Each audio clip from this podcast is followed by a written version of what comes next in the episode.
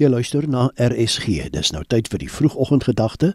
Vanoggend aangebied deur pastoor Rudy Ritkart van Pretoria.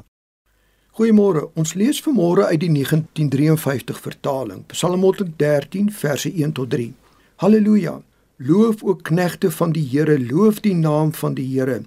Laat die naam van die Here geprys word van nou af tot in ewigheid. Van die opgang van die son tot by sy ondergang moet die naam van die Here geloof word. Psalms 113 tot 118 is 'n groep lofpsalms waar ons herhaaldelik uitgenooi word om die Here te loof. Psalm 113 besing God se grootheid en heerlikheid en dat hy onvergelykbaar is, hoog bo alle nasies. Maar hy is ook die een wat laag neerbuig na die mens in nood.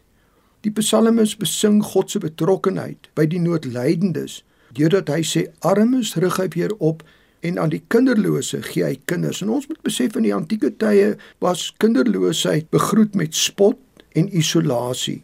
Daar's 'n oproep in vers 3 van die opgang van die son tot by sy ondergang moet die naam van die Here geloof word. Ons lofprysing hou direkte verband met ons dankbaarheid en ook 'n bepaalde lewensingesteldheid. Vanmôre kan ons dankbaar wees vir soveel dinge, sy onverdiende goedheid, sy nabyheid, die feit dat hy vir ons sorg, die feit dat hy betrokke is by ons lewe. Ons gesondheid so vasgevang en opgeneem met die eise en uitdagings van die lewe dat ons nie die daaglikse seëninge raak sien nie. Ek wil u graag nooi, begin vandag 'n dankbaarheidsjoernaal, 'n gratitude journal, om aan die einde van elke dag een of twee dinge aan te teken waaroor jy dankbaar is. Dit herinner my aan die ou lied, tel jou seëninge een vir een en sien hoe God dit met jou meen. Tel al dikwels, tel al een vir een.